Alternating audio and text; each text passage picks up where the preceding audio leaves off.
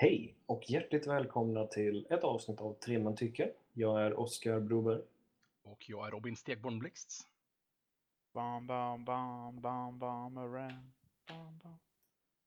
Ja, Okej. Ja. Okej, Eh. det skämtet gick över huvudet på er. eh, det kanske du gjorde.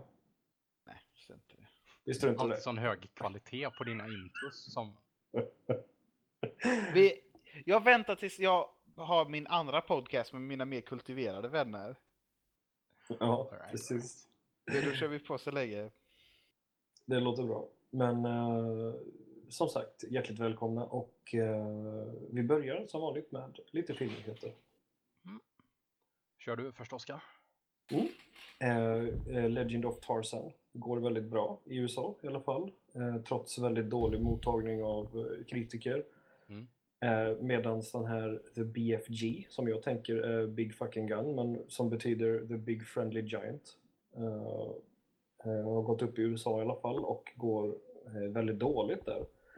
Eh, och det är liksom det är Spielberg som, som liksom har gjort en version på en en Roald Dahl-bok så det skulle kunna vara väldigt bra. Jag, oklart om den är bra eller inte men den drar inte in så mycket pengar och det har väl att göra med att de går upp emot eh, Finding Dory kan man eh, misstänka i alla fall. Mm.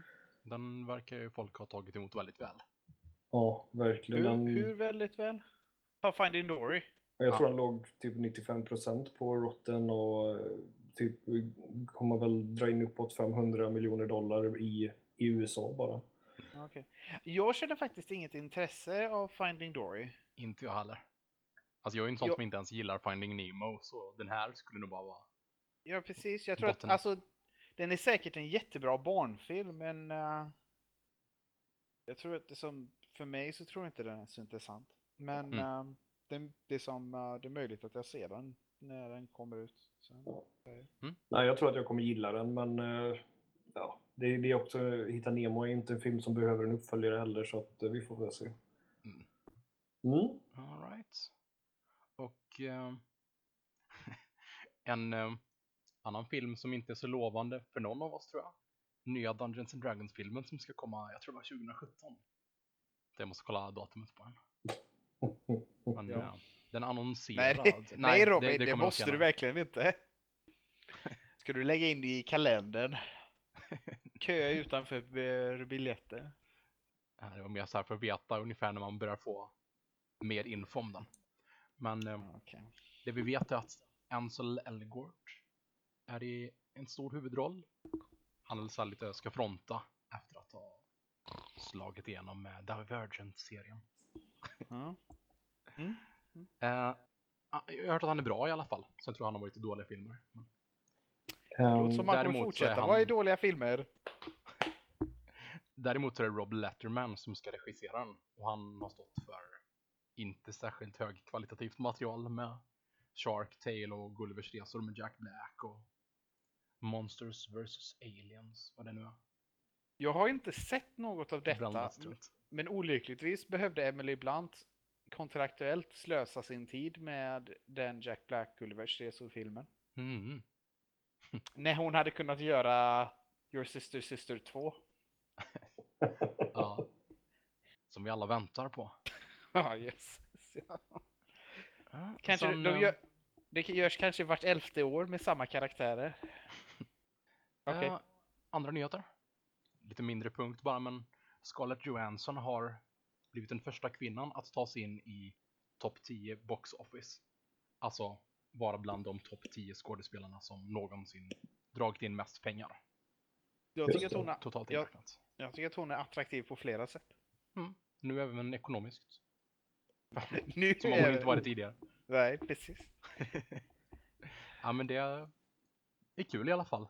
Att det liksom blir mer Anledningen hon är med på den listan är ju på grund av eh, hennes eh, bidrag till Marvel-världen. Mm, absolut. Det har inte så mycket att göra med henne som kvinna liksom.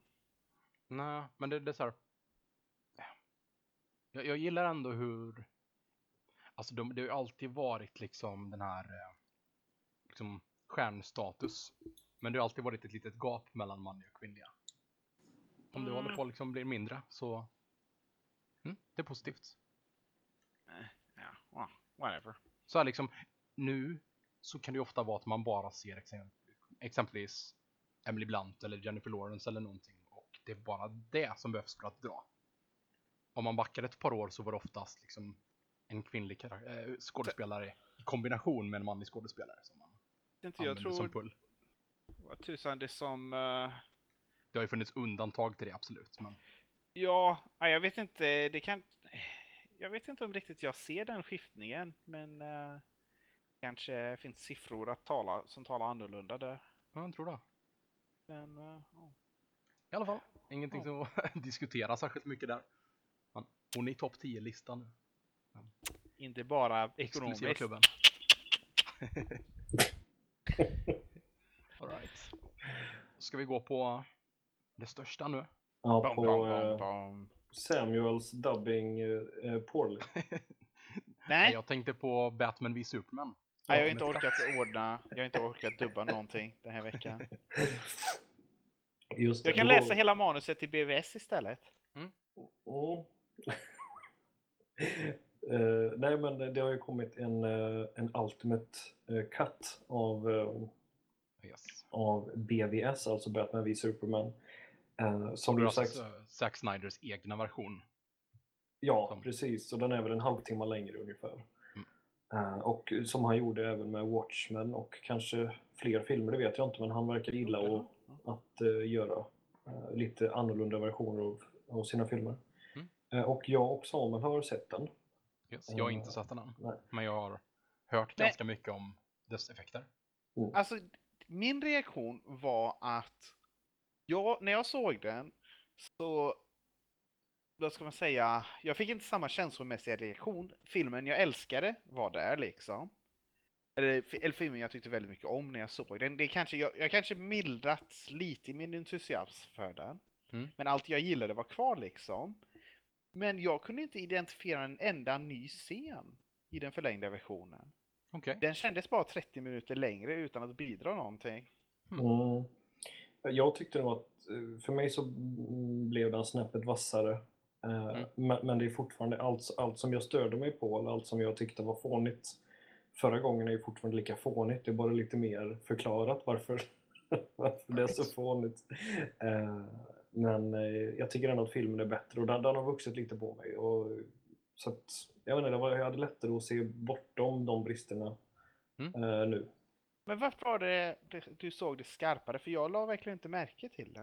Nej men alltså framförallt var det ju hur de, eh, alltså vad vad heter han, Lex Luthers, eh, hans motivation i Afrika liksom och vad, vad hela den grejen handlade om eh, var ju tydligare.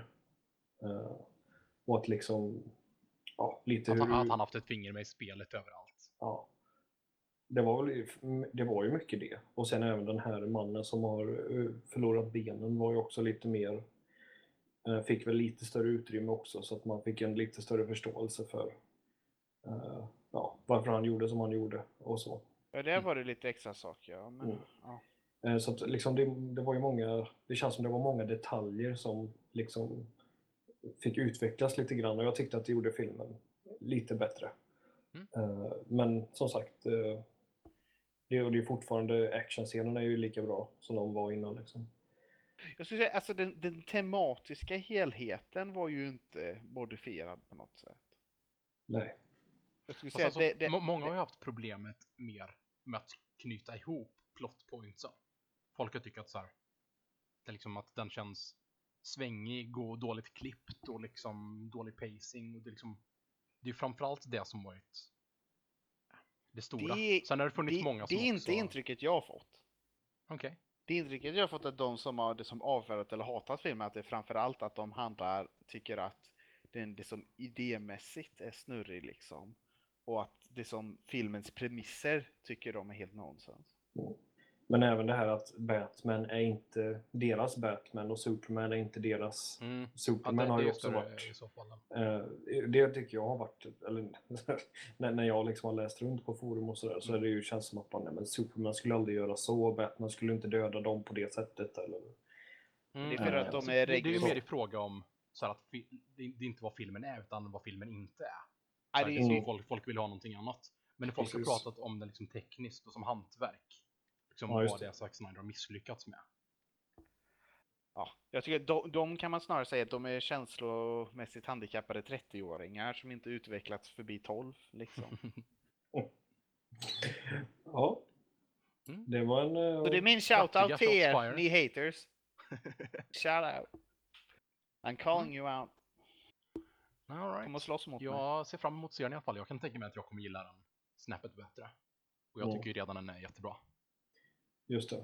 Jätteskarpt. Just det. En sak jag har att lägga till innan vi går över till, till veckans film är eh, att eh, de två sista avsnitten av Game of Thrones den här säsongen är årets hittills bästa film. alltså, Mm. jag är skeptisk. Men eh, ja. Det handlar mer om den serien än om avsnittet. Ja, men säsong fem var ju, jätte, det var ju katastrof. Eh, eh, men sexan var riktigt tight. Så att, se den. Jag, jag tror jag ska vänta tills eh, böckerna har kommit ut klart. Typ 2025 kanske? 2030. Ja, ja, Nej, jag, ja, Nej, tänk, tänker nog inte se på mer på tv-serien om jag inte verkligen gillar böckerna. Ja. Men Oskar, Mm. det, det jag hört från folk som pratar om, och särskilt det sista avsnittet, hur, jag, jag, det som jag hörde vad som hände där. Mm. Hur kände du kring Cersei där? Jag, eh, jag ser ju att hon eh, trampade i eh, klaveret. Eh, Och blev fullständigt knäckt. Vilket jag tyckte var väldigt roligt. Vänta, tar hon inte och gör precis som hon vill? Fast ja, jag Vi, måste vi ju, borde inte jag måste ju, of jag måste ju spoila om vi ska prata om det. Ja, Ja, nej, okej om gör du inte. spoilar. ja, men för våra tittare som kanske inte, eller för våra lyssnare som Ja, inte Okej, har, ja, vi tar det efteråt. vi, vi tar det sen. Nej, men jag Ja. tror... Och, alltså anledningen till att jag inte vill titta är att så här, just nu är det osäkert vilket som kommer, vilket från serien som kommer hända i böckerna, vilket som, Ah, ja. Ah, ja. kommer Men hända. vi går vidare. tycker jag, veckans film. Ja. Kör Eh, hårt. Ja, och veckans film är Eye in the Sky som kom år 2015. Eh, som är eh, regisserad av Gavin Hood som ju jag tyckte var väldigt märkligt för han gjorde den första Wolverine-filmen och eh, den är under all kritik. Eh, men... ehm, Va, Origins-filmen. mm, precis. Ah. Ah. och det Jag är ju den Vänta, är det den den med. Deadpool? Exakt. Den som alla hatar på. The Merc ja. without the mouth. Suddenly it all makes sense.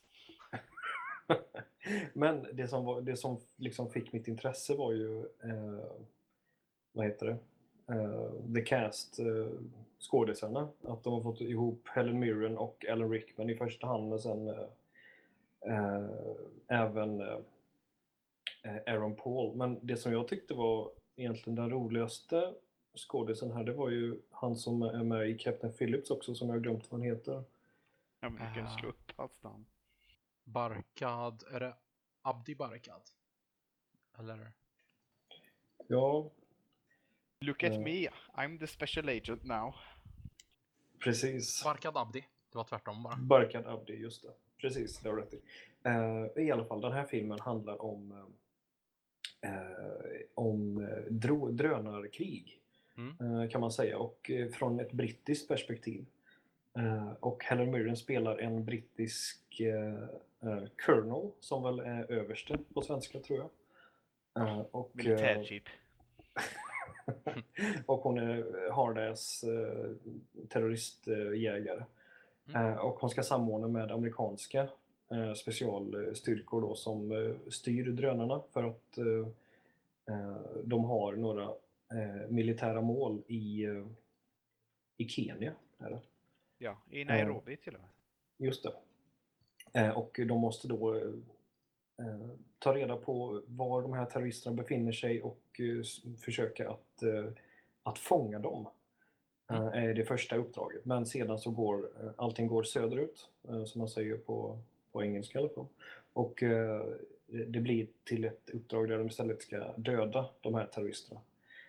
Eh, Man- och, ja, Man säger att allting går söderut för att Skåne är längst ner i Sverige.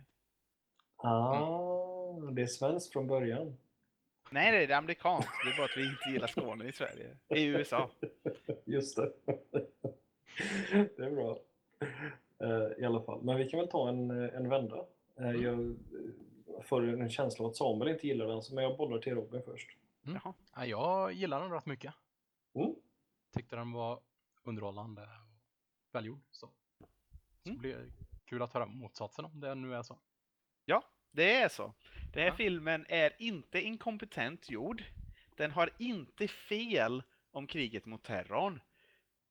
Men den är jättedålig. Och det är en väldigt dum film. All right. Ja.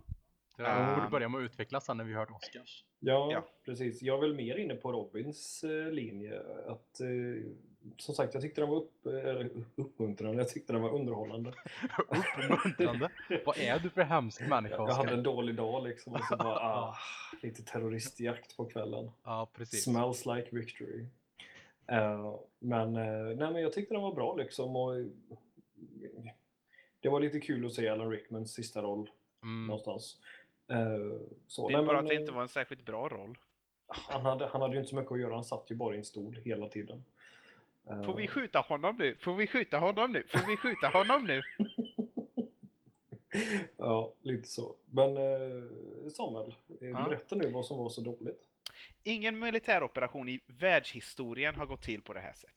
Det är det som är dåligt med den här filmen. Det är ett löjligt moralitetsdrama som är helt bortkopplat, som är bortkopplat från krigets verklighet. Um, och jag tycker att, eller förresten, jag tycker rätt så illa om sådana här moralitetspussel. Jag tycker att de är absurda och de fördunklar istället för att belysa moraliska problem. Det här, det, det som den här filmen till mig säger det, det, det har väldigt lite kapacitet att säga något vettigt om drone warfare. Och vad den här filmen lyckas säga är liksom... Det, det, det som den lyckas... Dess budskap skulle jag säga till samma del var budskapet till eh, Zero Dark Thirty är. Ehm, och det är liksom att kriget mot terrorn går inte att vinna och att det är rätt så meningslöst och mörkt men du måste göra det ändå. Ehm, Mm. Men Kände Zero paralleller där alltså när man satt och såg? jag, jag, jag skulle säga att de har liknande ambitioner, men det är bara att... ehm, och jag, jag tycker att det är på något sätt lite... Er, det, det känns inte rättvist att jämföra den här filmen mot en av de bästa filmerna någonsin. Men jag tycker att det belyser den här filmens brister. För Zero Dark Thirty, det som... Det sitter aldrig folk i ett rum och diskuterar etiken av liksom drönarkrigföring eller av tortyr eller vad än det är. Utan det är hela tiden ett, ett, det är som ett argumenterande genom att visa. Och den här filmen gör inte det, utan det har bara en massa dumma samtal mellan eh, det som politiker som sitter i ett rum och tittar på en tv-skärm. Och jag Mm. kände ingen spänning och jag kände ingen engagemang. Och det var bara absurt. Alltså, det som, idén att de inte skulle ha bara skjutit den bomben omedelbart är löjlig. Jag hade, jag hade inte, vad, vad ska jag säga? Alltså idén att de inte skulle göra det för att det satt en flicka utanför. Det, det är som... Det är inte så varken brittiska eller amerikanska staten fungerar. Lägg av dumma film. Det här, den här filmen var lika dålig som 12 Angry Men. Och precis lika intetsägande. Det var en, en lysande film helt enkelt. Eh, Men, eh, Precis lika dålig. Ja, nej, men, nej, men det är ju intressant liksom, för att ur, ur, det perspektivet så kanske det är en dålig film, liksom, men jag, jag kände Ja. ändå att den, var väldigt spännande. Tyckte jag, Alltså liksom, jag, jag och- köper nog, eh, så här, för ovanlighetens skull, så förstår jag nog verkligen den tanken. För, för mig var det nog bara att jag har inte så pass bra koll på liksom, hur den krigsföringen går till. Mm.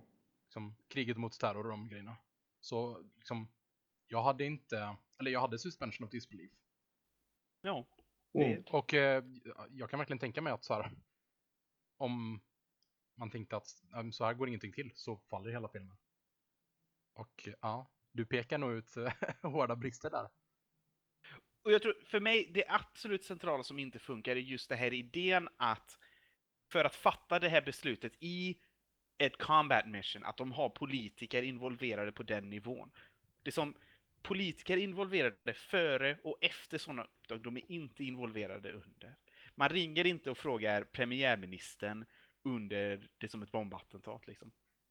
Det, är- det enda rationella personen i den här filmen Jag skulle inte ens säga att Helen Mirren är det, utan det är amerikanska utrikesministern som säger vad fan ringer ni- mig för? Bomba Ja. dem. Mm. Ja, han Ja, var skön. Det var en kul, ja, men det var en kul scen liksom. Han var i, var han i Kina och spelade pingis liksom. Mm. Bara kom igen nu, bomba. Ja. Mm. Och jag tror att, det, vad ska man säga, det finns, det finns smarta filmer att göra om drönarkrigsföring. Men det är inte, ja, det är inte den här filmen liksom. Mm. Men ni kan prata mer om Fast- sakerna ni gillade. Om det som funkar för er.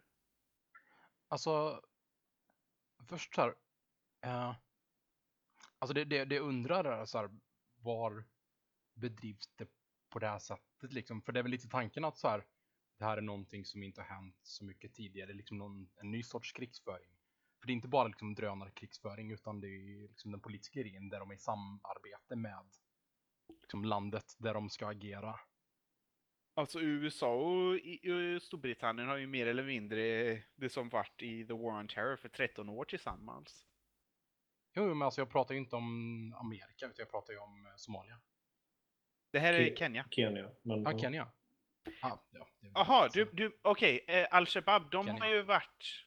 Jag tror att de har ar- varit eh, rätt så stora där i 5-6 år i eh, östra Afrika. Så, och de är ju en Al-Qaida-gren. De Mm. har ju härjat en hel del där. Eh, Men, men för det känns det som att, för att USA och även Storbritannien kanske då har, har ju åkt runt med drönare och skjutit folk eh, på EU internationellt. Eh, Och, och det blir alltid lite, lite tjafs i några dagar efteråt att ja, men det dog en civil och, och se och så. Men sen så det brukar alltid dö ner liksom för att de flesta länderna verkar acceptera det som att om man, de dödar ändå för det mesta terrorister. Mm. jag, jag, jag vet inte riktigt om det är så stämningen är inom landet. Nej, precis. Så jag tror att det enda riktiga argumentet som jag känner att de har emot detta är just den här idén av att släpper vi bomben på huset så det på något sätt så, vin, så blir det ett framsteg för dem i propagandakriget. Vilket till en viss del är sant. Och jag känner, hela den här del, hela den här delen med alla sekvenser hos den här familjen som är granne där.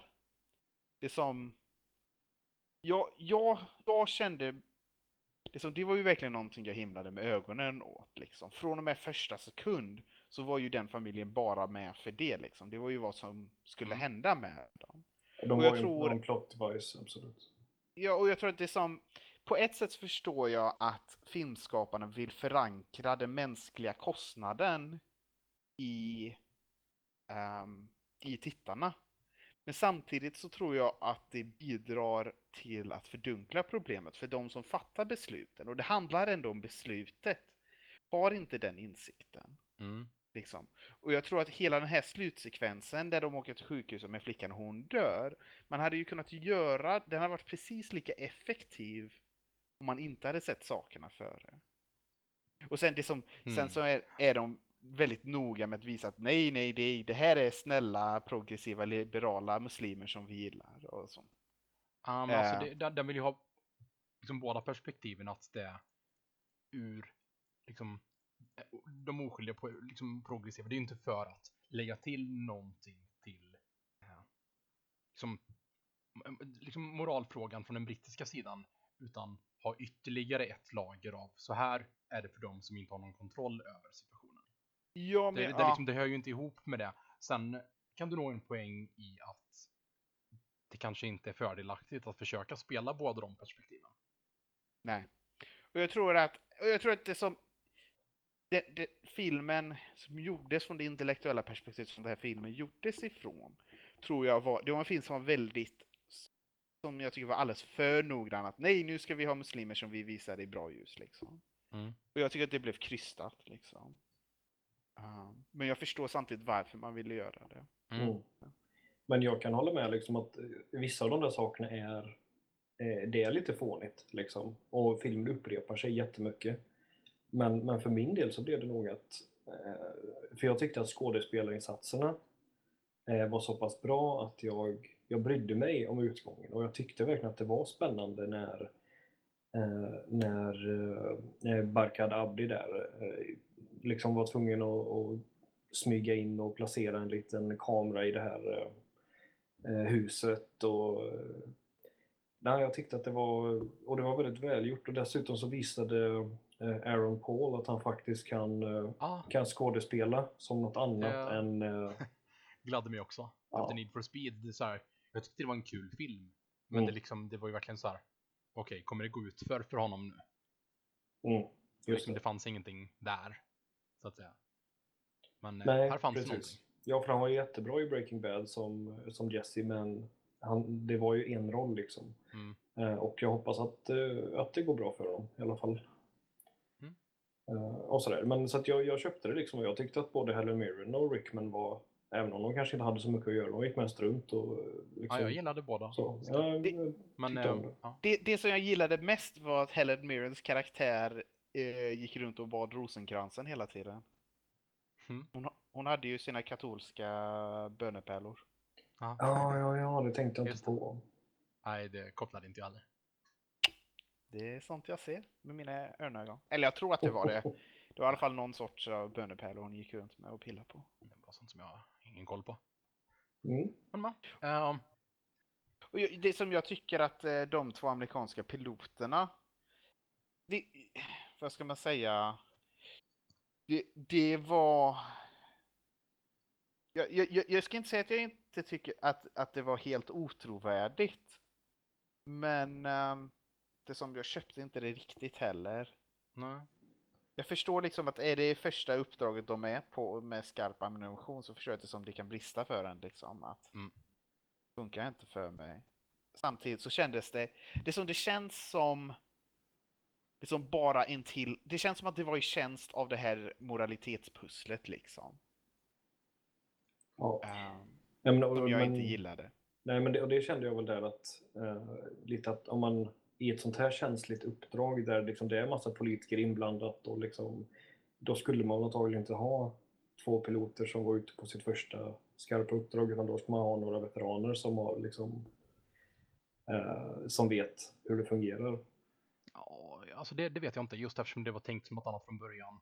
Och de är ju liksom, de, de, de kan det här jobbet. De får inte det, liksom göra det här förrän de vet vad de sysslar med. Mm, mm.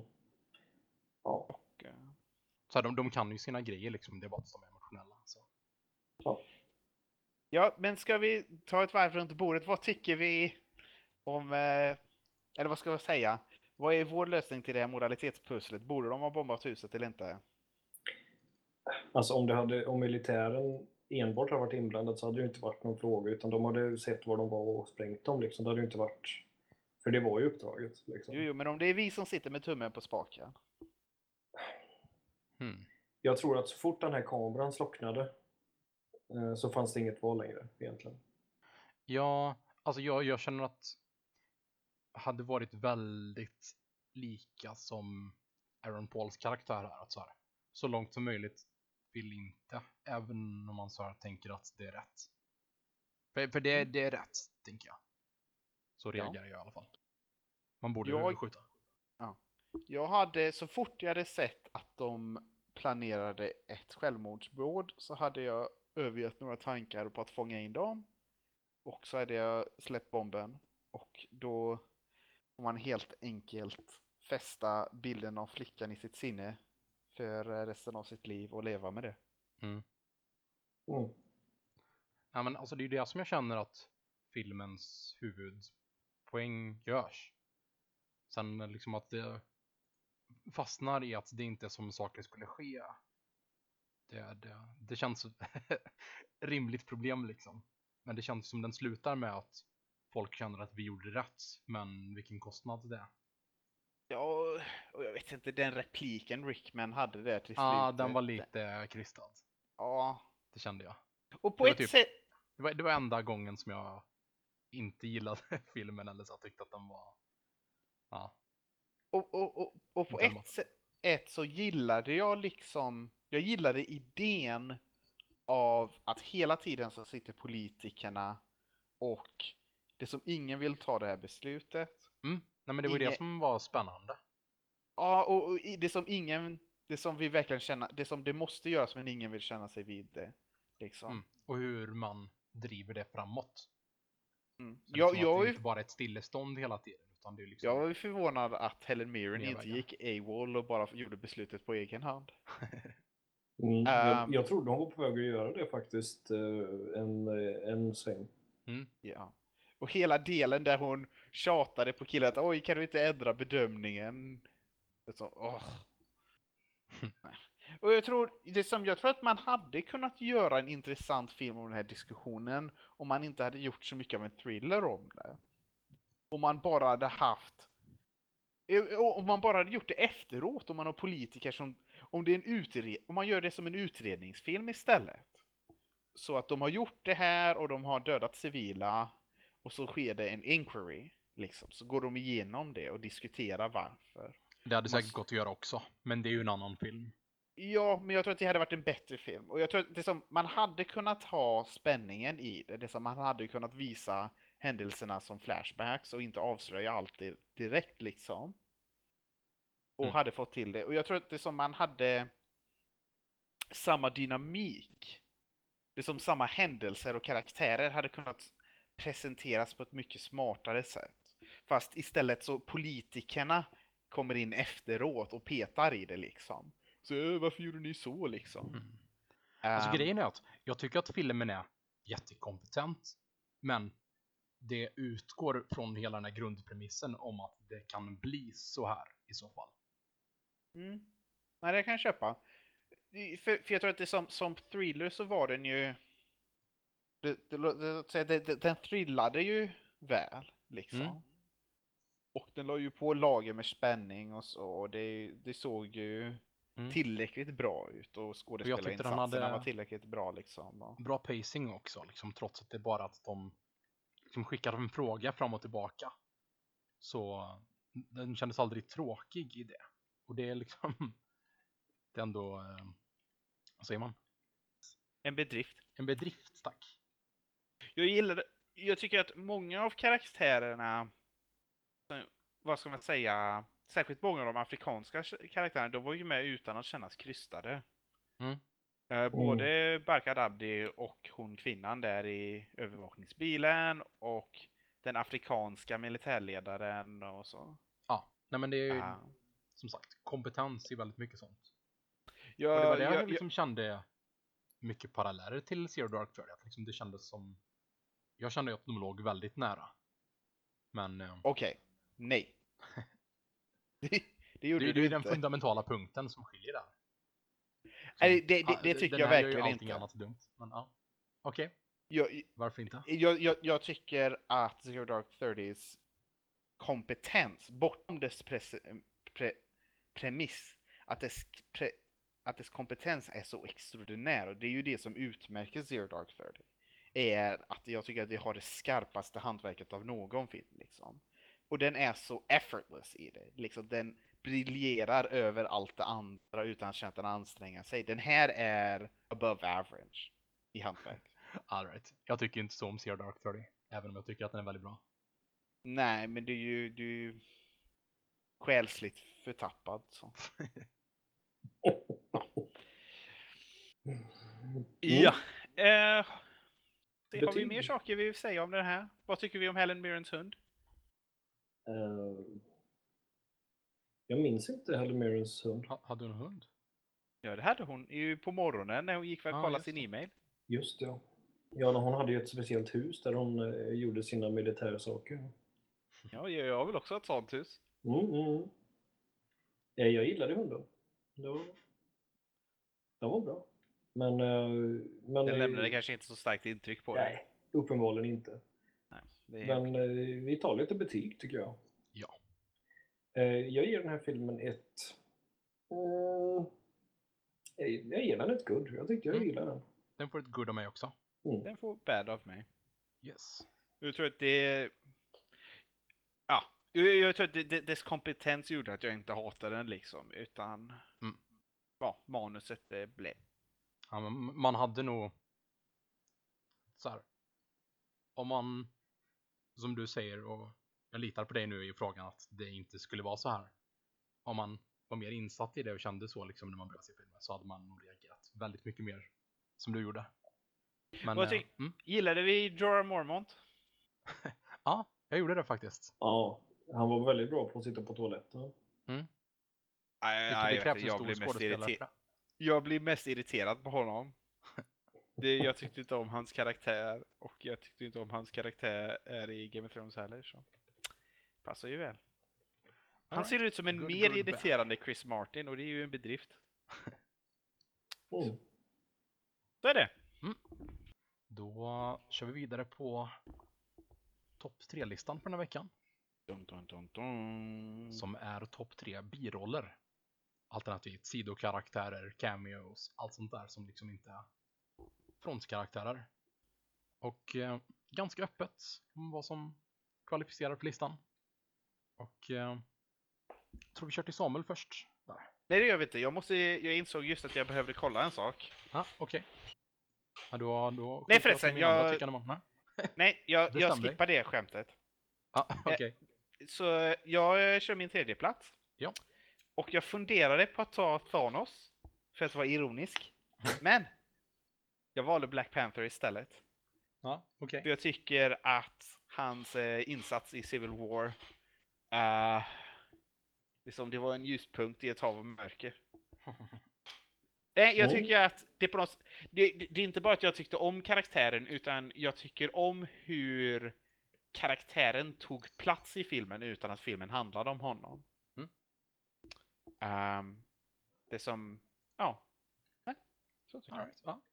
det, det håller helt med om det. Mm. Han får bra utrymme liksom. Det blir inte så här att åh, den här karaktären liksom visas upp och ska vara en stor karaktär men man får inte tillräckligt med tid. Liksom, Nej, fil- filmen tror- vet hur mycket utrymme den har och överdriver eller underdriver inte. Jag tror det är som skådespelet och manuset berättar mycket om den karaktären fort. Liksom. Vi får lära känna honom fort. Mm. Ehm, och det, det, är som, det är ju det som gör att han funkar som sidokaraktär. All right. Mm. Oscar? Ja, eh, på tredje plats hittar vi Jack Sparrow. Eh, What? Som ju är en perfekt biroll i de första, i, framförallt i första filmen.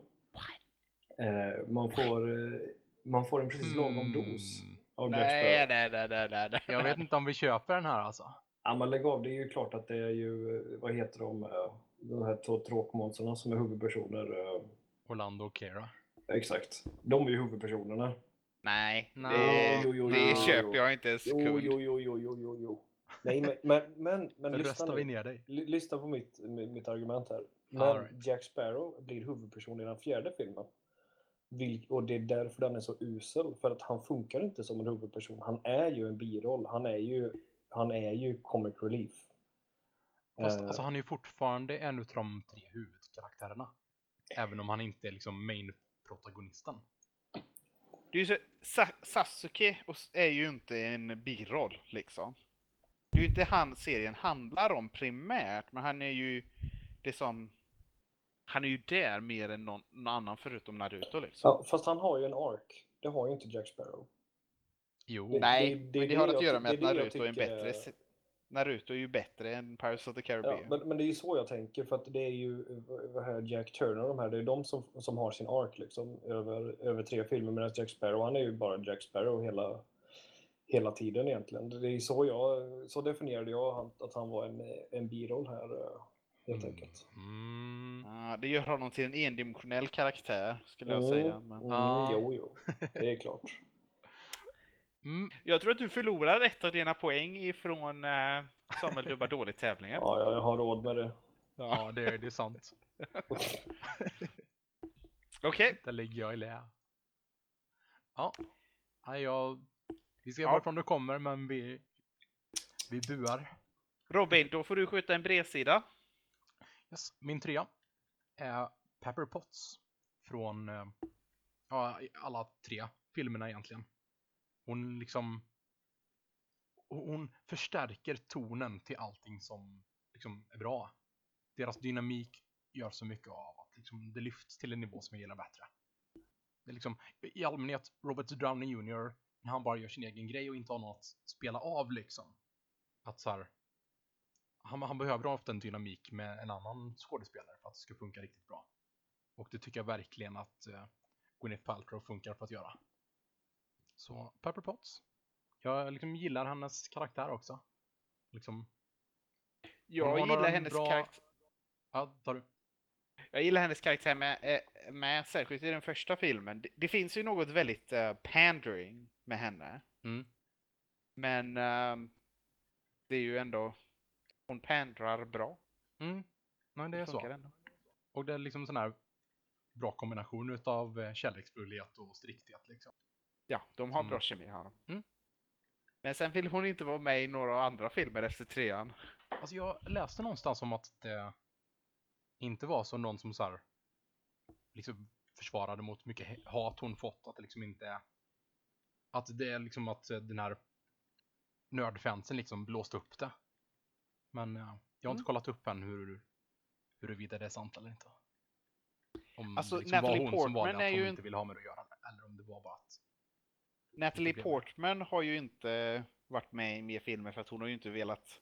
Mm, Röra nej, hon, dig. hon vet ju att hon liksom tagit avstånd. Men, Jag antar att det är samma Gwyneth Paltrow. Hon behöver inte riktigt de pengarna heller så. eh, nej, jag, jag, jag ska kolla upp det i alla fall. Men... Hon är, hon är hon ju är så upptagen med att sälja eh, hyvlar och tryfflar med guldhandtag. Mm. Det är viktig syssla. Och ja, någon måste göra det. Ja, nej. Mm. Då går vi vidare till andra platser. Min andra plats och det här är, jag, jag hittade rätt så fort två andra platser, två platser som jag tyckte väldigt mycket om. Mm. Ehm, och till en början så ville jag satsa på avgränsningen att ha karaktärer som inte ens hade namn. Liksom. Okej. Mm. Men jag hittade bara en som jag verkligen älskade och sen två stycken som var också bra från samma film. Det känns tråkigt att upprepa mig, men det är min första plats. Men min andra plats istället är ifrån en skådespelare man inte riktigt tänker i den filmen. Men det är Chris Pratt i Her. Ah, mm. För där Mm, så spelar han, så är han eh, sekreteraren i uh, Jacqueline Phoenix kontor. Minns du det Oscar? Mm, mm. Mm, han är Och- bra där. Och det, det är som, han är egentligen bara med i tre scener. Och i alla av dem så känns han som om Chris Pratt jobbade på ett väldigt liksom, hippt kontor. Eller det är på något sätt, det, det är ju Chris Pratts personlighet men i en annan social miljö. Och han överför den väldigt väl liksom. Och han blir en så härlig balans till Jacqueline Phoenix karaktär. Mm. Han är så annorlunda liksom. Eh, Mm. och han, han ger en hel del mer liv till filmen. Ja, jag, jag köper den absolut. Han är jättebra där. Och eh, bo- både skådespelet, karaktären, som hans plats i, plats i narrativet, vad han tillför. Och så här, birollens karaktärsstorlek i förhållande till hur mycket den tillför. Ja. Jag, gill, jag älskar verkligen hur syrlig, hur eh, syrlig han är mot datorn. Mm. Sen när de är på dejten som No, no, I get it. We're all human flashbacks that are gonna die. I get it. det är bra. Ja, Då, Oskar, är det upprättelsedags? ja precis. Eh, det, eh, det här är från, eh, från en film som vi recenserade här för några månader sedan och det är Lawrence Lawrence Oh, yeah. Mm. från Hail Caesar. Mm. Och han, jag kunde inte hålla mig för skratt när han skulle, skulle röstträna den här stackars cowboyskådisen. Ja, Whether the words are simple. Whether it were so simple. Eh, och, ja, det var fantastiskt roligt och han gjorde inte så mycket mer än det. Liksom. nej. Och så ja, hans namn, det, det är så här, som, egentligen jätteenkelt tråkigt skämt liksom att han heter samma sak i förnamn och efternamn liksom och hur uttalet och men det är Mm. Ja, fantastiskt Det roligt. funkar i den filmen. Ja. Ja, Det, det hör Ja. till hur den världen fungerar. ja. Han är fantastisk. Mm. Ehm, jag funderade ju på att ta um, Tilda Swintons karaktär från Hail Caesar. Mm. Eller ja, hennes karaktärer. Mm. Ehm, är det Thora och Thessaly Thacker? Tror jag att de heter. Ja, det stämmer nog. Ja, ja det gillar jag med. kan, vi, inte- kan vi inte podda om Hail Caesar igen? igen. Det kommer igen, ubåtsscenen. Woo! Ja. Den är skall... Alltså där. Det, det är inte omöjligt att eh, nästa eh, Brobergsgala kommer få oss att återvända till en annan film. Ja, det, vi kommer sannoliken f- sjunka i havet i en ubåt. Du får hålla dig tills dess Samuel. Mm, jag får krypa upp i Channing Tatums knä. Mm. Som man ju gör. All right. ja. Gå vidare till min tvåa. Som tyvärr inte är Channing Tatums knä. Utan eh, pappan i About Time. Som eh, liksom, Mm. en stor del till att jag älskar den filmen. Hans roll och hans, förhåll, liksom hans relation till sonen. Och jag tycker bara han är liksom... Jag gillar verkligen... Eh, ja, visst heter han Bill Nye? Jaha. Jag- Ja, Bill Nye heter han. Inte the science guy. Nej, precis. Uh, det var bara så här, vänta lite nu. Det var därför som jag fastnade. Han heter William. Ja, i alla fall. Jag tycker att han gör den med sån charm också. Han Mm. liksom, varje scen han är med, han är bara så fantastiskt skön. Ja. Han är grym. Mm, det tycker jag. Samuel hatar den filmen. Haters Mm, gonna hate. Samuels gonna hate. Samuel's gonna hate. Ja. För det som förtjänar. Mot- Mottot för Älsk- den här bloggen. Skriften Podcast. säger älska det goda och hata det onda. Och det gör jag med råge. Mm. Eh, min första plats är, och det är egentligen, sen kommer jag ta upp flera till sidokaraktärer från den här filmen. Mm. Och det är ifrån filmskaparna som har, ska jag, jag ska säga, har det mest, har det skarpaste ögat för det vackra i vardags, i, vad ska man säga, lågstatusmänniskor liksom. Mm. Eller som, som, som ser, ser det vackra i alla människor. Och som ger de här karaktärerna värdighet även i väldigt korta möten. Där de inte är heroiska, där de är mänskliga och värdiga.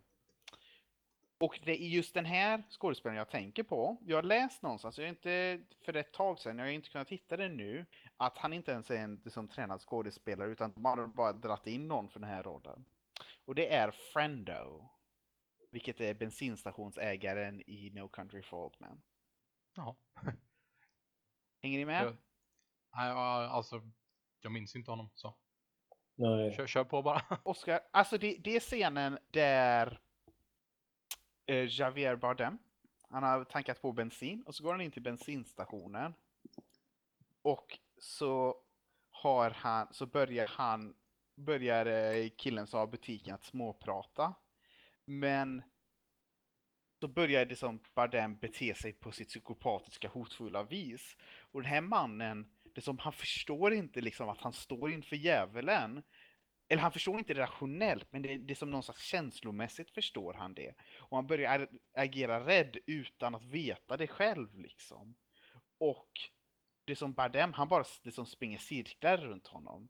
Och har grejen där han singlar slanten och det som, vad blir det, vad blir det? Du kallar det rätt liksom, du får överleva. Mm. Um, men jag tycker det som är så fantastiskt med den här karaktären är just hur han känns, så, han känns det, som, det finns många supermän i den filmen liksom. Tommy Lee Jones och eh, Josh Brolin. Det är som de är stora starka män som möter det onda. Men det här är bara en svag man som bara hamnar i det ondskans stig och råkar komma undan. Uh, Mm. Och jag tycker att det är en sån otrolig karaktär. All right. Mm. Mm. Ja, det kanske det är. Det får, får vi se den gången jag ser om No Country. Ja. De andra, andra två karaktärer jag hade ville ta upp var när Javier Bardem stannar vid eh, trailerparken och Mm. pratar med den tjocka kvinnan som sitter som är sekreterare för det. Hon inte vill ge ut informationen. Mm. Och liksom hur... Ja, det är li lite samma dynamik. Ja, han hade den dynamiken med flera karaktärer. Men det är just med bensinstationsägaren som det är bäst. All right. Mm. Det är inte så mycket att invända eller hålla med om där. Men Och Oskar, har du något att säga? Ja, ja, inte om den karaktären, men, eh, men jag har en annan karaktär. ja, du har annat Mm. att säga. Ja, som ni säkert kommer tycka bara Åh, det är ingen bikaraktär. uh." Men, Ja, vi eh, förbereder våra burröster. ja, men det är, fram- det är framförallt första, ifrån första Sagan om ringen. Eh, och där tycker jag att Aragorn är en perfekt uh, biroll. Hmm. Den här är jag mer välvillig till. Ja, det, det är lite på gränsen, men det är foten på rätt sida i alla fall. Ja, Ja, vad bra. Vad bra. ja så, är, så är det faktiskt. För att han, han blir ju mer, i, i, alltså det här tänker jag mest för att han är inte med från början liksom. Mm. Han kommer in i filmen efter typ 20 minuter eller Ja. något sånt där. Och, Men alltså, man kan ju ändå så här ja. köpa att han är mer av en huvudkaraktär senare i filmen. Ja, precis. men man så, kan välja honom för den rollen han har tidigare. Ja. För liksom, han har under en så pass lång period och liksom en roll där som är en biroll liksom, under första halvan. Jag, jag Mm. skulle säga att filmen handlar ju aldrig om honom riktigt. Nej. Nej. Det, gör, det blir ju mer sen, eh, Mm. tänker jag. Eh, nej, men han är eh, perfekt. Och, det tycker jag, hela, hela Sagan om ringen-trilogin, det, det är ju... eh, casting är ju perfekt där i, för alla roller egentligen. Och, men Aragorn, han känns verkligen... eh, han jobbar ju både med det här att han är hotfull och mystisk och liksom vet saker. Mm. Men han är ju, han är ju samtidigt liksom nobilitet och eh, han... Eh, vad ska man säga? Mm. Ja, men han är ju väldigt... Han har en Han- han- värdighet till ja, sig. precis. Ja, men just det hur han för sig när han kommer Ja. till älvorna till exempel och han har liksom koll på, på deras traditioner och... Nej, men och Viggo Mortensen, han är ju han är lysande i den Mm. rollen helt enkelt. Ja, men både insatsen där och karaktären är ju någonting som är den här karaktären som har varit runt i den världen vi befinner oss i. Och Mm. genom honom så får vi uppleva lite, liksom i andra hand, hur det är att ha levt i den världen. Att ha Mm. varit runt. Man får liksom hans, hans intryck och hans känslor och hans kunskaper bara genom att spendera lite tid med honom. Jag, Ja. jag skulle också säga, för, förutom uh, McKellen så är det nog um, Mortensen som bidrar mest till sin karaktär. Mm. Det är som hela brödraskapet det är ju alla bra karaktärer i boken. Och de blir alla lyfta till en viss grad förutom Legolas. Men ja, Ar- Aragorn och Gandalf sticker ju verkligen ut där. Så Ja. att de blir lyfta av skådespelarna. Mm. Och det, alltså det, det är en så fantastisk grej med Ian McKellen. Mm. Att han, det som han är, det är stor seriös, det är som scene act, stage actor. Han spelar stora Shakespeare-roller och sånt. Men jösses vad han ger järnet som Gandalf. Ja, ja, men jag, jag gillar verkligen det. Alltså han så här, kan vara väldigt seriös och han kan vara väldigt lekfull liksom. Och så här, allt däremellan. Mm. Så liksom vara, vara lekfull i det seriösa och seriös i det lekfulla. Ja. ja. Mm. Mm, Ja, ja, eh, äh. Riktigt skarpt. Aragorn är bra. Mm. Och eh, min första plats. Thanos! Thanos! ja, ja, verkligen. Eh, Thanos i Pirates of the Caribbean-filmen är det också. Tyckte jag var riktigt bra. Ja, han, är, han är ju en ganska stor karaktär där också, så vi kan få diskvalificera även min första plats. Nej, Mm, eh, min första plats är faktiskt en cameo. Så det är en ganska liten roll här. Och det är en av mina favoritscener någonsin som är Wolverines lilla scen i X-Men First Class. När Fassbender och... Eh, vad är han heter nu? Eh, McAvoy. McAvoy, tack. Kommer in där och ska rekrytera honom. Och eh, det går inte som de hade tänkt. Ta han Nej. inte bara och säger neger och stick. Eh, han säger bara Go fuck yourselves. Mm. Och så fortsätter han liksom dricka sitt där i baren. Vilket så här, de, de, de uttrycker så mycket utav hans karaktär med den korta stunden. Och det är bara, jag älskar det. Mm. Och det är därför som First Class är den enda bra X-Men-filmen vi har. Nej. Amen till att Men, det är den enda bra X-Men-filmen. Men när, jag tror, när, när Wolverine stiger in i rummet så tar Robin och kastar bort hela sin kritiska förmåga och bara tar av sig byxorna. Mm. Nej, Tycker men, inte du det är en eh, bra scen Samuel? Du gillar väl så här first class? Jag, min, jag minns inte ens den scenen. Men Okej. alltså, det, det, det är en film jag minns genom återbeskrivning. Det är säkert en, he, det är visst en helt okej scen när de gör en skämt om det. Men Mm. Nej men jag håller, alltså det är verkligen eh, eh, den uttrycker hans karaktär perfekt på liksom 10 sekunder. Mm. Eh, delvis Men att det han finns- svär och är ful och grov, liksom, men också att han, han, han bryr sig inte så mycket. Liksom. Mm. Ja, men he- hela, hela scenen. Mm. Gre- grejen, hade han inte, hade inte alla de andra X-Men-filmerna handlat om honom så hade den scenen kanske varit mer intressant liksom. Men eh, nu är man liksom redan bekant med hans karaktär liksom. Ja, men det är ju det som är poängen. Annars hade den ju inte varit bra. Jag- Så är det bara, jaha, vem är det som sitter där och eh, som ohövlig? Nej, Ja, jag, Okej, whatever. Ja. Ja, Men det tycker jag också, det är ju lite av ett statement från filmen, liksom att alla andra filmer har handlat om Wolverine, men Ja. vi säger bara fuck off till det liksom, och vi gör något annat. Jaha, är det, Eh. där, är det därför First Class är den enda bra X-Men-filmen? Ja, det är ju en av anledningarna i alla fall. Men eh, Åh, så Ja. fel du har. Däremot, nu när vi, som, som jag glömde att ta bort under nyheterna, som vi kan passa in väl här efter topp 3-listan. mm. Jag har ju varit och sett Age-Men, eller X-Men Apocalypse. X-Men. Age of Apocalypse. ja, alltså jag har förträngt till och med vad den heter. Till den grad hatar jag den här filmen. Ja, men vad, här, vad härligt Robin. Alltså, alltså så jag. här är det, jag tycker ju att Star Wars Episod 2 är en bättre film. Oh damn son. Alltså jag, jag hatar den här filmen med hela mitt hjärta, hela min varelse. Det var liksom, den, den tog så här, allt den kunde göra, så här, hur ska vi förstöra så mycket som möjligt? Och så gjorde den så. Det var liksom, Nu förstår Robin äntligen hur jag känner om reformationen.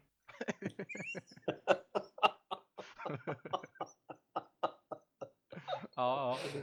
Nej men alltså på alla plan, den är helt kass. Du har inte sett den än Samuel, va? men Oskar har sett den. Ja, jag har sett den, På- eh, så den hemma. Mm. Tes. Ja. Eh, jag tyckte så här, ja det var ju några, några bra actionscener, men filmen den var så onödig. Mm. Och, men- alltså, framförallt var den, den försökte vara first class. Mm. Men det var en så dålig version av first class. alltså, alltså grejen är, Kunde, allt av det som finns som görs dåligt i superhjältematerial, liksom filmer, tidningar, allting.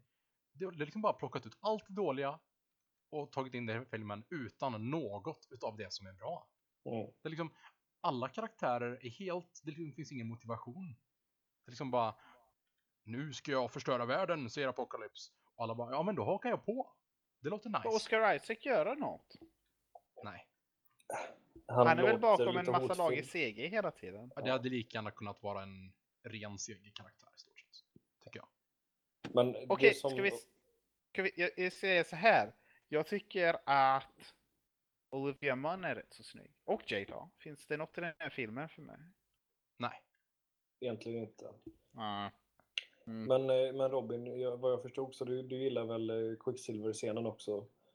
Ja, Eh, alltså Quicksilver är ju jättebra ja. i den här filmen. Den var kreativ och, och kul liksom. Det var, det, Mm. det var liksom det enda. För jag, jag tänkte att den här Wolverine-scenen kunde ju varit kul. Eh, men inte när det var censurerat allting. Nej, nej men, alltså, var bara del, delvis det. Och så här, det var ju också, bara pajar allting. För hela hans backstory bara så här, han träffar Jean Grey där. Som bara liksom fixar till honom lite och så här. Alltså, Funkar, det som folk eh, har klagat på i X-Men Origins om Deadpool. Alltså, det är ju det enda den här filmen är. Som ba- bara sånt liksom abominations utav materialet. Men eh, hur eh, funkar Sansa Stark som Phoenix? Hon är också, även om hon är väldigt tråkig som Jean Grey, så när hon är Phoenix i en stund, det, det är en ganska bra scen. Ja, är hon Phoenix en stund? Det är liksom också väldigt konstigt gjort, men så här, det, det finns en energi i den scenen som är välgjord. Men Är det hon som Alltså, har det faller energin eller är det Segen som har energin? eh, både och känner jag. Ja. Den, Nej, den funkar liksom, okej. men Mm. på grund av att det inte finns någon tyngd i resten av skriptet så när det liksom kommer in så spelar det ingen roll. Så, eh, Mm. whatever. Alltså jag kände att det, det finns mycket jag skulle kunna säga om den här filmen. Men, men jag tänkte på, för Magneto han var ju höjdpunkten i First Class på många Ja. sätt. Eh, I den här filmen, han är en bra skådis liksom. Fassbender, Mm. han är ju duktig. Han är, men, han är bra. Men Karaktären. det han gör. Delvis då när hans familj blir mördad och det var jättefånigt för att de sköt en, en lös pilbåge så här med Ah. lite träpil utan metall ens och dödar två personer med den. Mm. Jättelarvigt såklart men när han dödar typ 100 miljoner människor i, Men- eh, i slutet. Ja, men och också det här liksom att de bara mördar mängder och sen är det bara så här. Ja men nu vänder vi oss emot Apocalypse så blir vi goda. Mm. Och så blir allt förlåtet. Och Samuel, det värsta, du som inte har sett den. Det att Mm. alltså, tidigare från First Class och Days of Future Past så har de ju drivit hela den här grejen om liksom, Charles Xavier som har sina ideologier mot varandra.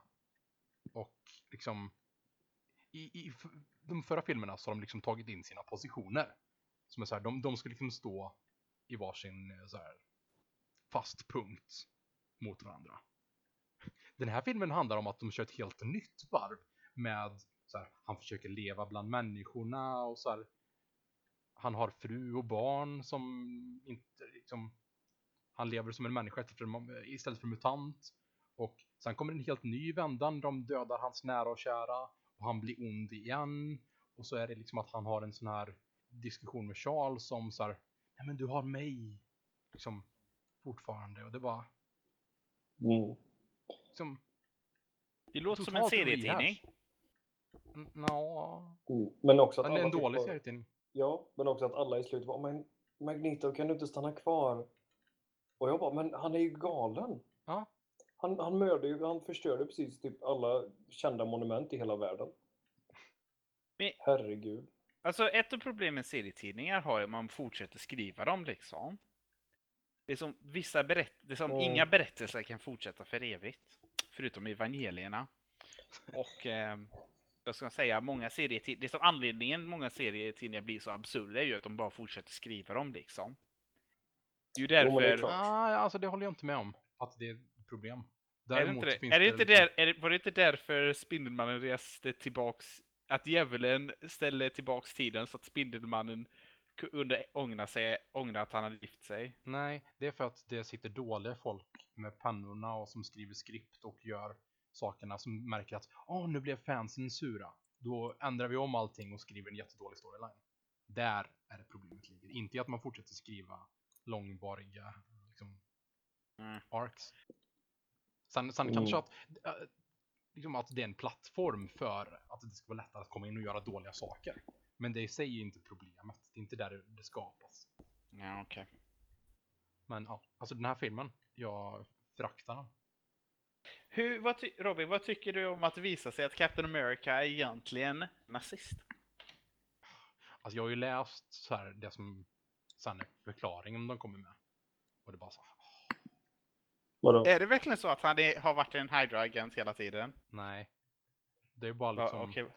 Cosmic Cube i form av en liten flicka. Som The Red Skull liksom har Cosmic Cube? uppfostrat. Eh, Det är någon sån här grej som man kan ändra verkligheten med. Ja. Mm. Och eh, tydligen så har hon varit en flicka. Vilket låter som typ något som Chris Metzen hade skrivit på sistone. Och Det eh, låter som någonting Marvel hade skrivit. Ja, Mm. det, det är ju det de har gjort. Så här. Men eh, i alla fall, Cosmic Cube är en liten flicka som han har uppfostrat. Och eh, sen eh, liksom säger Red Skull typ, jag har, inte, jag har inte läst tidningen, men säger åt henne att hon ska ändra så att Captain America är Hydra. Och så är han det. De bara ändrar verkligheten. Ja, ja, ja. Serietidningar är rätt så fantastiskt. dumma. Det, alltså, det är inte serietidningar i sig, men det finns väldigt dumma serietidningar. Jag skulle, men jag tror ändå att, alltså, fortsätter man med en serie, inte nödvändigtvis serietidning, utan bara det som fortsätter man berätta tillräckligt länge, så måste det som man, vad ska jag säga, det som problemet med Batman är att Batman kan inte utvecklas som karaktär och förbli Batman. Nej, alltså det, det håller jag med om. Och jag tror att det, det man kan som, ju fortsätta på liksom berättelsen, även om man säger okej nu dog den här karaktären. Liksom, nu, Jag- nu blev den här att- karaktären gammal och liksom det händer saker som för det vidare. vad jag tror, vad jag tror att det, det som, att bara fortsätta med en berättelse länge är annorlunda med för, fortsätta med den, det som bara tills vidare liksom. Man måste ha ett ark man jobbar mot. Det är ju så skrivande funkar. Om man inte är Richard Linklater, liksom. Då kan man skriva utan ett ark. Det är som då, det är som då, då, då är själva livet ditt ark. Men det är ju inte så serietidningar är skrivna riktigt. Nej, alltså det, det är det jag menar att det, de bör vara. Och det är liksom... Det, Nej, det som vi pratar om nu är ju de sämsta liksom, exemplen på när det är som dåligt. Det är som sämst. Jag ser det, ja, utifrån ser det ut som ett symptom av genren. Mm. Men men. till, vidare mot nya höjder. Vilken film ska vi se nästa vecka? Från, från höjd till höjd säger vi efter Apocalypse. Eh, nästa vecka så ska vi se till slut Saving Private Ryan. Yeah! Woo! Yes! Kul! Ah. Alright, och då ska vi ha som uh, topp tre. Jag har funderat på två stycken. Och jag har den ena i min högra hand och den andra i min vänstra hand. Och då får ni rösta om vilken vi ska välja. Höger. Vänster. Okej, Ska, ska jag säga. eh, men då tar jag och... Okej, då blir det ingen av dem. Då blir det en annan jag tänkte på och det är bästa sjukdomar. Okej. Inte mentala sjukdomar utan det måste vara liksom Mm. bakterier, virus, cancer, whatever. All right. Och det, det, det är skill... Det, det... Ni får ta ja, man kan ta filmer som handlar om sjukdom. Men jag vill helst undvika det utan bara sjukdom som en del I som en del av eller? något större. Ja. Vad sa du? Det, det handlar om handlingen snarare än sjukdomen i sig. Ja, det ska inte handla om sjukdom. Det ska inte vara en film som handlar om sjukdom som till Får det exempel... vara en, eh, måste det vara en riktig sjukdom? Nej. Right. Utan eh, det är så, som en del av det. Kan man alltså, välja hur- X-Men ja. Apocalypse? Filmen får inte vara en sjukdom. Ah, Okej. Men en sån film som typ Contagion som handlar om så här outbreak. Den kan jag acceptera, men inte... Eller för sig... Nej, vi... Hmm. Nej, vi kan strunta i den regeln. Filmer om sjuk... Helt enkelt bästa sjukdom i en film. Ja, all right. Ja, okej. Det blir intressant. Jag är inte jättemånga spontana, men Nej. det kan bli spännande när man tänkt en stund på det. Titta igenom sina listor. Eh, just det. jag måste nämna um, honorable mentions för birollerna. Hoppade ju lite snabbt från eh, X-Men till X-Men där. Och jag Ja. måste bara nämna Jason Statham i Furious 7. Oh, ja. Han är så vansinnigt rolig där. Men han är ju huvudrollen känner jag i den filmen. Alltså, jag Det handlar tycker, bara att, om hans motivation. Ja. jag tycker att en av de bästa... Alltså en av de bästa komedistunderna någonsin i film är när han dyker upp där på festen. Mm. ja, jag tycker det också. Det, Det är som det är inget om hur han kom dit bara. Han är bara där. Ja. Andra filmer hade som försökt en krystad förklaring liksom. Men nej, han är bara där och Mm. gör sin grej. Ja, Det roligaste det är ju fortfarande i början tycker jag i sjukhuset när han mördar alla utan anledning. Ett helt sjukhus liksom, bara o- fyllt med oskyldiga människor som gör sitt jobb. Han vill det för att de ska ta bättre hand om hans bror. Ja, nej, det, det är fantastiskt. Jag, jag satt och gapskrattade när jag såg filmen på bio där. Liksom, Mm. bara, vad är detta? Så när han går ut genom sjukhuset och är bara... ja, det är jätteroligt. Medveten humor. Jag tror att James Wan hade, visade på vissa ställen en viss lack of restraint kan man säga i skapandet av den filmen. Det var Mm. för mycket helt enkelt. Men jösses vad han visste att använda Jason Statham well. Mm. Det, ja. Det blev för mycket, men jag tyckte ändå att det var på ett bra sätt. det, det, var, det var för mycket av det bra helt enkelt. Ja, det var lite Så- så här, visst. Alltså jag, man får ju tårar av glädje när man tänker på den street fighten Pin Diesel och Jason Statham har. The street always wins. Så, Alltså, jag tror jag ska skriva lite fanfiction där om om Apocalypse. Där Jason Statham bara dyker upp i Apocalypse liksom. Så här showdown-scenen och bara dödar alla. Så här bara, bara Mm, kommer in mm. liksom från sidan in i bild och så. Alltså, okej. det... Okej, ska, vi, ska vi skrota den topp tre och ta topp tre bästa scener i Fast 7? det För- låter lite singulärt. Kurt Russell tar fram en hink med coronas. Det Åh, massa mitt hjärta scener. bara bultar. Och det är inte bara för att jag gillar coronas. Men du gillar väl inte Corona? Det är klart jag gillar... Nej, Oscar! det är typ Oscar! Budweiser. Och vadå sitter du med ditt artisanöl där istället? Nej, jag har ett så här microbrewery här hemma. Du gör det? Ja, ja, ja. Det måste man ha om man är Göteborgshipster. Ja. Tur, tur att du har det då. Annars hade du inte kunnat vara Göteborgs hipster.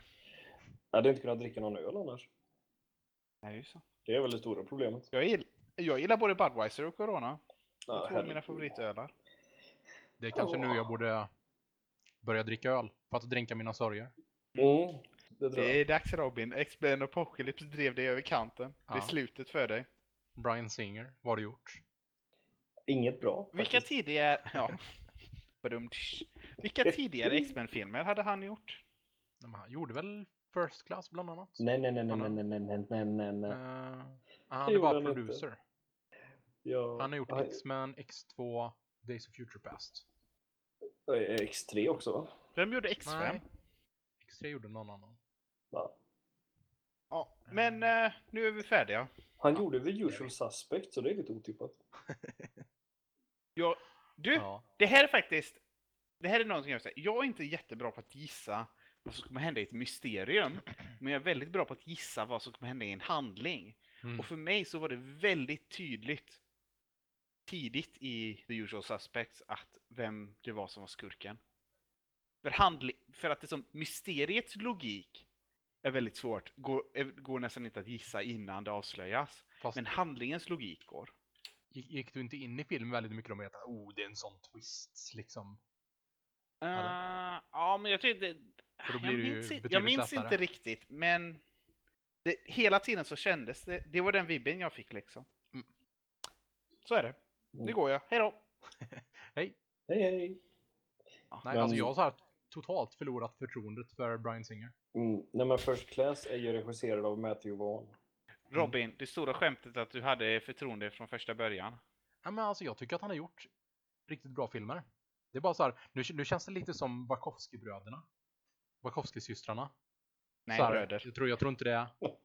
Wachowski-personen. Det är bara att han har haft flyt liksom, att så här, de han har jobbat med har gjort rätt åt honom. Alltså, Alltså kan man göra en sån här film så har man inte läget under kontroll. jag tror att... Är Alltså, perso personerna... Jag kan inte sluta spy ut min galla. Jag är ledsen. Ja. Mina medpoddare och lyssnare. Men... Eh, Alltså Det här är någonting jag börjar få ur mitt gjorde The Matrix, och nu menar jag Wachowski-bröderna, så de var ändå kompetenta. Mm. Men sen vet jag inte vad som hände liksom. Jag tror säkert att det var många andra som bidrog till att göra den bra, men jag tror ändå att de erbjöd den visionen där. Liksom. Mm. Eller ja, de hade tittat på Ghost in the Shell väldigt många gånger och tänkte, och så hade de folk som jag vet inte, det är, som, det är svårt att säga. Vem, vem var det som kom på alla de här häftiga ikoniska sakerna? Mm. Jag tror ändå att de spelade en roll i det. De, Mm, ja, absolut. Men uh, jösses, de har ju inte gjort en enda bra film efter det. Eh, har någon av er sett Speed Racer? Nej. Inte jag heller. Jag har inte fått no- hört någon. Alltså det finns vissa som är, eh, det är i alla fall bättre än de andra Matrix-filmerna. Ja, just det. Nej, men jag tycker alltså Brian Singer, han har gjort han har gjort ett par hyfsade grejer så här, men det är svårt att säga vad han som faktiskt är, Han, är bra. han skrev handlingen till First Class. Ja, Okej. Men och X-Men 2 så är han ju executive producer också ser jag, så han var inte så inblandad i den. Ja, han är ju regissör för X2.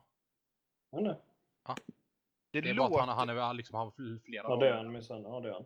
det och är låter väl- som X-Men Apocalypse gjordes med en stor budget och inget manus. Alltså, de, de får eh, första Avengers-filmen att verka som en djup och liksom, liksom tänkarfilm. Okej. Det är liksom med karaktärsutveckling och liksom Nu ska vi gå på toa. Hej då! motivationer. Hallå. User disconnected from your channel. Ja, nej. Apocalypse, den var, den var inte speciellt bra. Nej. Det kan man inte säga om man ska vara snäll. Liksom. Det var någon som sa liksom, det här är ju två timmar eh, av varför Xavier tappade hår. Ja. ja, det är en bra sammanfattning. Och det är ju en jättefånig anledning också. Liksom. Ja, ja men allt är jättefånigt. Allt är verkligen jättefånigt. Jag gillade i början faktiskt, den här ritualen de hade. Det tyckte jag var Ja. lite så här, bara, ja, okej. Ja, men det var innan, kul. i- innan filmen hade börjat försöka Precis. visa karaktärer. Mm. Och liksom Exakt. prata om varför folk gör som de gör. Åh. Nej, det var... eh, Ja, det var en sån dålig version av First Class så jag vet inte. Nej, vad, vad hände? Nej, Nej det är. Jag vet inte. Den var inte så himla snygg heller liksom. För det tyckte jag, jag tycker ju inte att Days of Future Past är så superbra, men jag tycker den är helt okej och framförallt att de liksom använder sina krafter och sånt där Mm. på lite kul sätt. Men här bara... eh, Eller hur? Den här känns bara liksom plastig och liksom ingenting känns riktigt riktigt.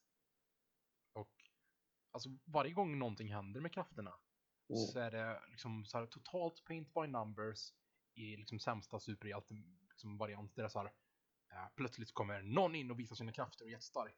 Men sen vänder det direkt och liksom att så här, nej, nu har jag min liksom jag är X-Men så jag så här, bara vänder direkt. Och det är liksom de, där liksom nu, nu vänder striden för att den ena liksom tar tag liksom sin spirit och bara sätter igång. Mm. Men det är inte ens att det liksom håller på i en stund utan det är så här direkt. Bara så här, Ja. Ingenting, det finns ingen vikt i något. Nej, och sen när, när Magneto håller på att liksom förstöra alla världens huvudstäder.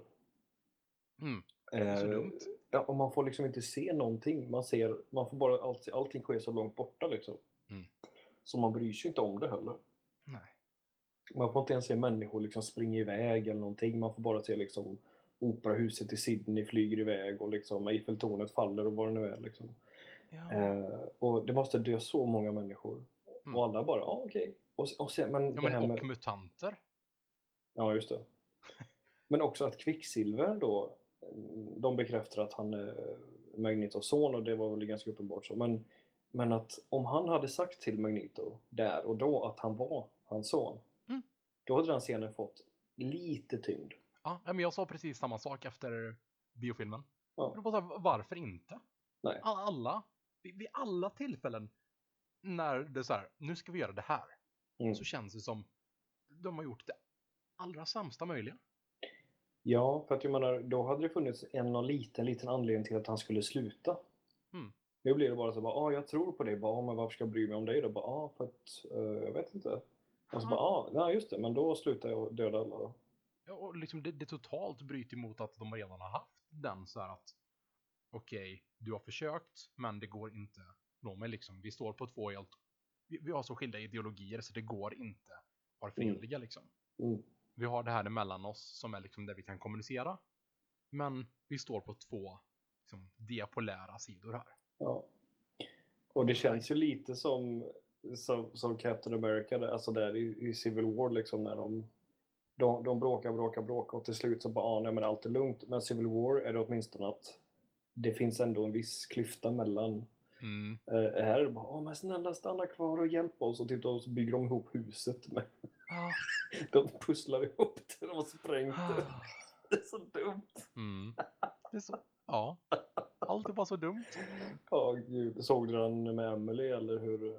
Nej, med brorsan faktiskt. Ja, okej, vad tyckte han då? Han eh, tyckte mer om den, men han hade ju inte alls samma koppling till materialet. Nej.